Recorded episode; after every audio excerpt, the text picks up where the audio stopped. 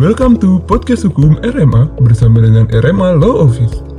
Disclaimer, podcast ini disampaikan berdasarkan peraturan yang berlaku di Indonesia dan kami tidak bertanggung jawab atas penafsiran dan opini pribadi dari pendengar.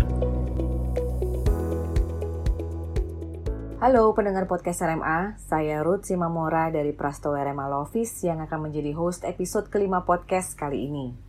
Kita akan membahas mengenai kondisi finansial pelaku usaha dan bagaimana antisipasinya apabila terdapat pelaku usaha yang tidak dapat membayar utangnya. Kondisi finansial pelaku usaha memang tidak selalu untung. Terdapat beberapa kasus di mana pengusaha tidak dapat membayar utangnya kepada kreditur, baik vendor maupun bank. Kebanyakan masyarakat yang mempunyai piutang terhadap pengusaha yang macet membayar utangnya itu melakukan upaya hukum melalui mekanisme gugatan wan prestasi atau melapor kepada pihak kepolisian.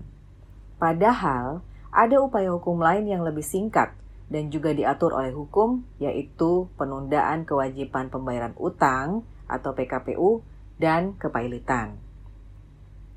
Apa yang dimaksud dengan PKPU dan kepailitan? Serta bagaimana prosedurnya. Saya akan mencoba membahasnya dengan sederhana dalam podcast kali ini. Apakah yang dimaksud dengan penundaan kewajiban pembayaran utang? Apa juga yang dimaksud dengan kepailitan? Bila kita acu kepada definisi Undang-Undang Kepailitan dan PKPU, serta bagaimana prosedurnya. Pengertian PKPU menurut Undang-Undang Kepailitan dan PKPU Nomor 37 Tahun 2004 tidak dijelaskan secara definitif. Namun dapat dikatakan adalah merupakan prosedur yang dapat dilakukan oleh debitur untuk menghindari kepailitan. Menurut pasal 222 ayat 2 Undang-Undang Kepailitan dan PKPU, debitur yang tidak dapat atau yang memperkirakan tidak akan dapat melanjutkan membayar utang-utangnya yang sudah jatuh tempo dan dapat ditagih, dapat mohon PKPU. Tujuan PKPU ini adalah agar debitor dapat mengajukan rencana perdamaian yang meliputi tawaran pembayaran sebagian atau seluruh utang kreditor, baik kreditor preferent maupun kreditor konkuren. Nah, di dalam PKPU sendiri ada dua periode, yaitu PKPU sementara yang berlangsung paling lama 45 hari dan PKPU tetap yang berlangsung paling lama 270 hari. Jika disetujui oleh kreditur melalui pemungutan suara. Jadi PKPU tetap ini biasanya akan melalui voting. Baik PKPU sementara maupun PKPU tetap adalah merupakan serangkaian proses PKPU yang memang harus dilalui. Pengertian kepailitan sendiri adalah sita umum atas semua kekayaan debitur pailit yang pengurusan dan pemberesannya dilakukan oleh kurator di bawah pengawasan hakim pengawas. Nah, bagaimana prosedur PKPU dan kepailitan? Kita mulai dari PKPU terlebih dahulu. PKPU dapat diajukan secara volunteer oleh debitur kepada pengadilan atau diajukan oleh minimum dua kreditur karena ada tagihan yang telah jatuh tempo dan dapat ditagih kepada debitur. Hal yang sama pula untuk syarat pengajuan kepailitan, di mana minimum harus ada dua kreditur dengan tagihan yang telah jatuh tempo dan dapat ditagih. Namun, kebanyakan dalam praktiknya, baik PKPU dan kepailitan diajukan permohonannya oleh para kreditur, bukan oleh debitur.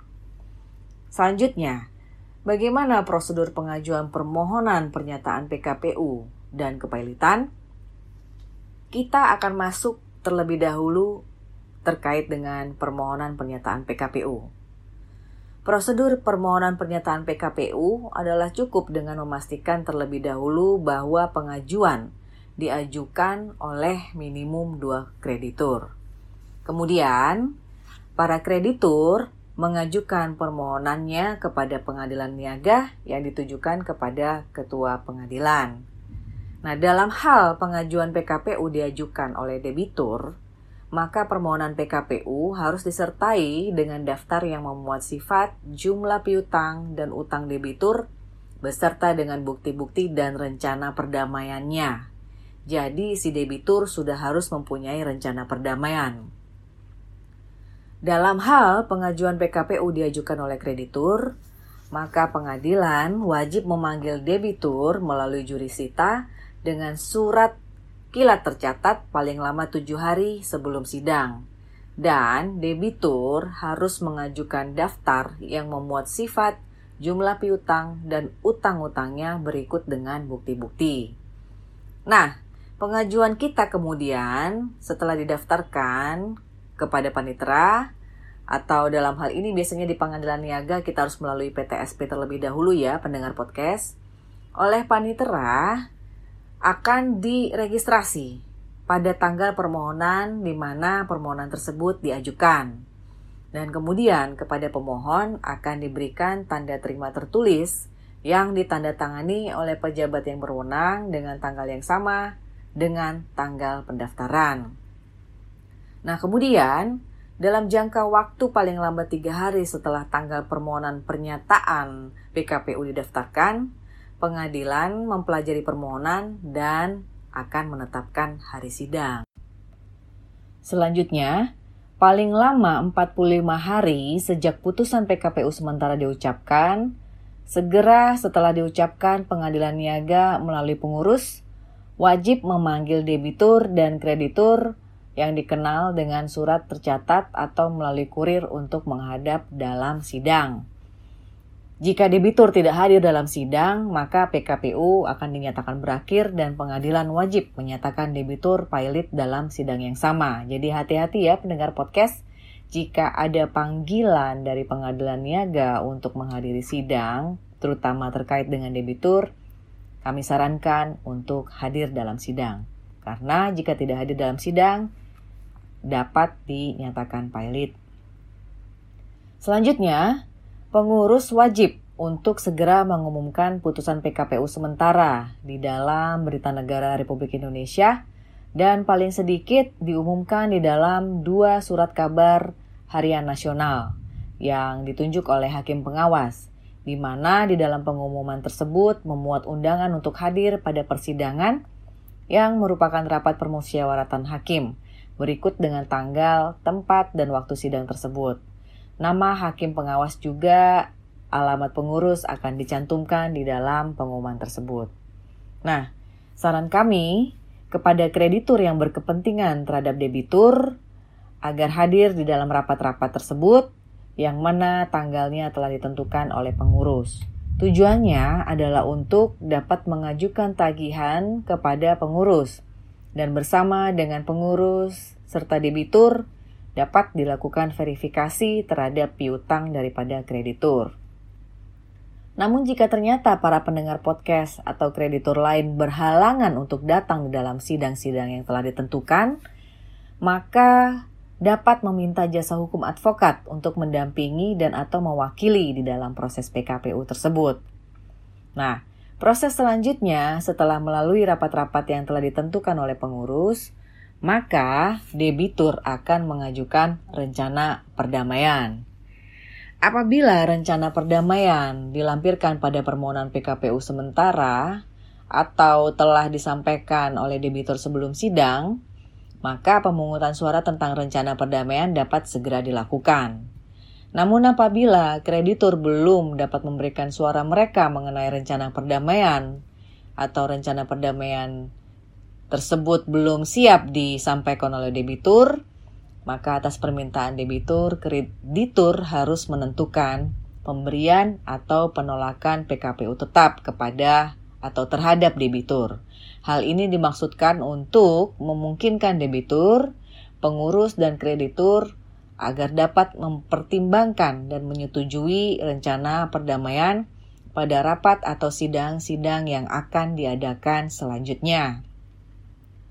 Nah, di dalam hal PKPU tetap tidak dapat ditetapkan oleh pengadilan niaga di dalam jangka waktu 45 hari, maka debitur dinyatakan pilot. Maksudnya apa? Maksudnya jika rencana perdamaian tersebut tidak disetujui atau tidak ada perdamaian sama sekali atau tidak dapat ditetapkan PKPU tetap, maka debitur dinyatakan pilot. Terkait dengan sidang, dalam hal permohonan diajukan oleh debitur, maka pengadilan niaga dalam waktu paling lambat tiga hari sejak tanggal didaftarkannya permohonan akan dikabulkan PKPU sementara. Kemudian pengadilan niaga akan menunjuk hakim pengawas dari hakim pengadilan serta mengangkat satu atau lebih pengurus untuk bersama debitur mengurus harta-harta debitur.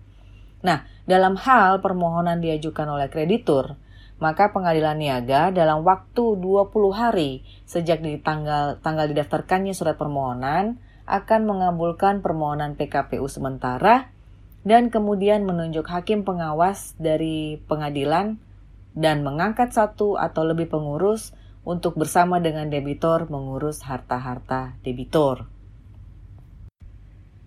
Namun apabila PKPU tetap disetujui, penundaan tersebut berikut perpanjangannya tidak boleh melebihi 270 hari setelah putusan PKPU sementara diucapkan.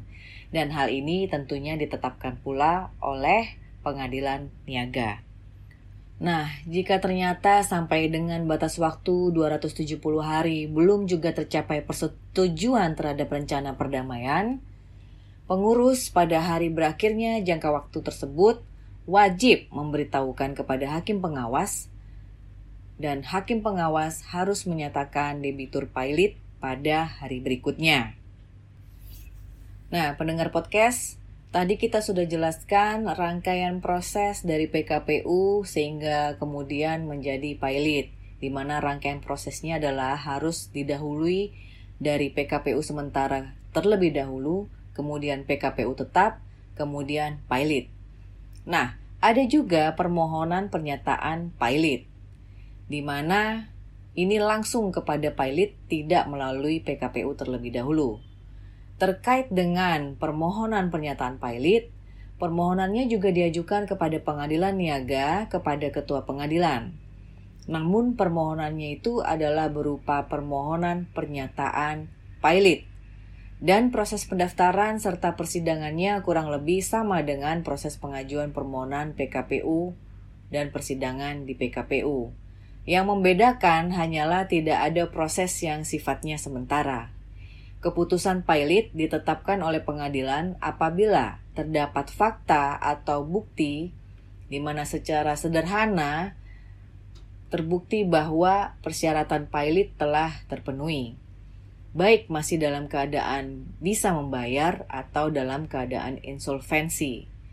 Perlu pendengar podcast ketahui bahwa putusan pilot harus diucapkan paling lambat 60 hari setelah didaftarkan. Dan putusan pernyataan pilot tersebut harus memuat secara lengkap pertimbangan hukum yang mendasari putusan tersebut. Berikut pendapat dari majelis hakim dan harus diucapkan di dalam sidang yang terbuka untuk umum dan dapat dilaksanakan terlebih dahulu sekalipun terhadap putusan tersebut ada upaya hukum. Jadi, ada cara lain di dalam upaya perolehan pembayaran utang dari debitur, yang mana diatur menurut Undang-Undang PKPU dan atau kepailitan. Mekanismenya apa? Yaitu mekanisme PKPU dan atau kepailitan. Persyaratan utama di dalam proses ini adalah terdapat minimum dua kreditur atau lebih yang mempunyai tagihan yang telah jatuh tempo dan dapat ditagih terhadap debitur. Proses untuk PKPU memakan waktu 45 sampai 270 hari. Sementara mekanisme hukum lain seperti gugatan wan prestasi akan memakan waktu lebih lama karena adanya proses yang mana sampai pada tingkat peninjauan kembali di Mahkamah Agung. Hal ini jelas akan memakan waktu bertahun-tahun. Dan karena bertahun-tahun itulah kepastian hukum bagi para kreditur tidak ada kejelasannya. Saran kami, jika memang terdapat eh, pelaku usaha atau debitur yang mengalami kesulitan di dalam membayar utang-utangnya, mari kita selesaikan melalui mekanisme PKPU dan kepailitan. Demikian pembahasan podcast RMA episode kelima. Semoga jelas dan berguna bagi seluruh pendengar podcast. Stay safe, tetap jaga jarak, dan salam sejahtera selalu. Terima kasih. Demikian podcast hukum RMA kali ini. Jika ada pertanyaan, silahkan kirim email di office at prastoworma.com atau hubungi 021 8065 7840. Sampai jumpa di podcast hukum RMA selanjutnya.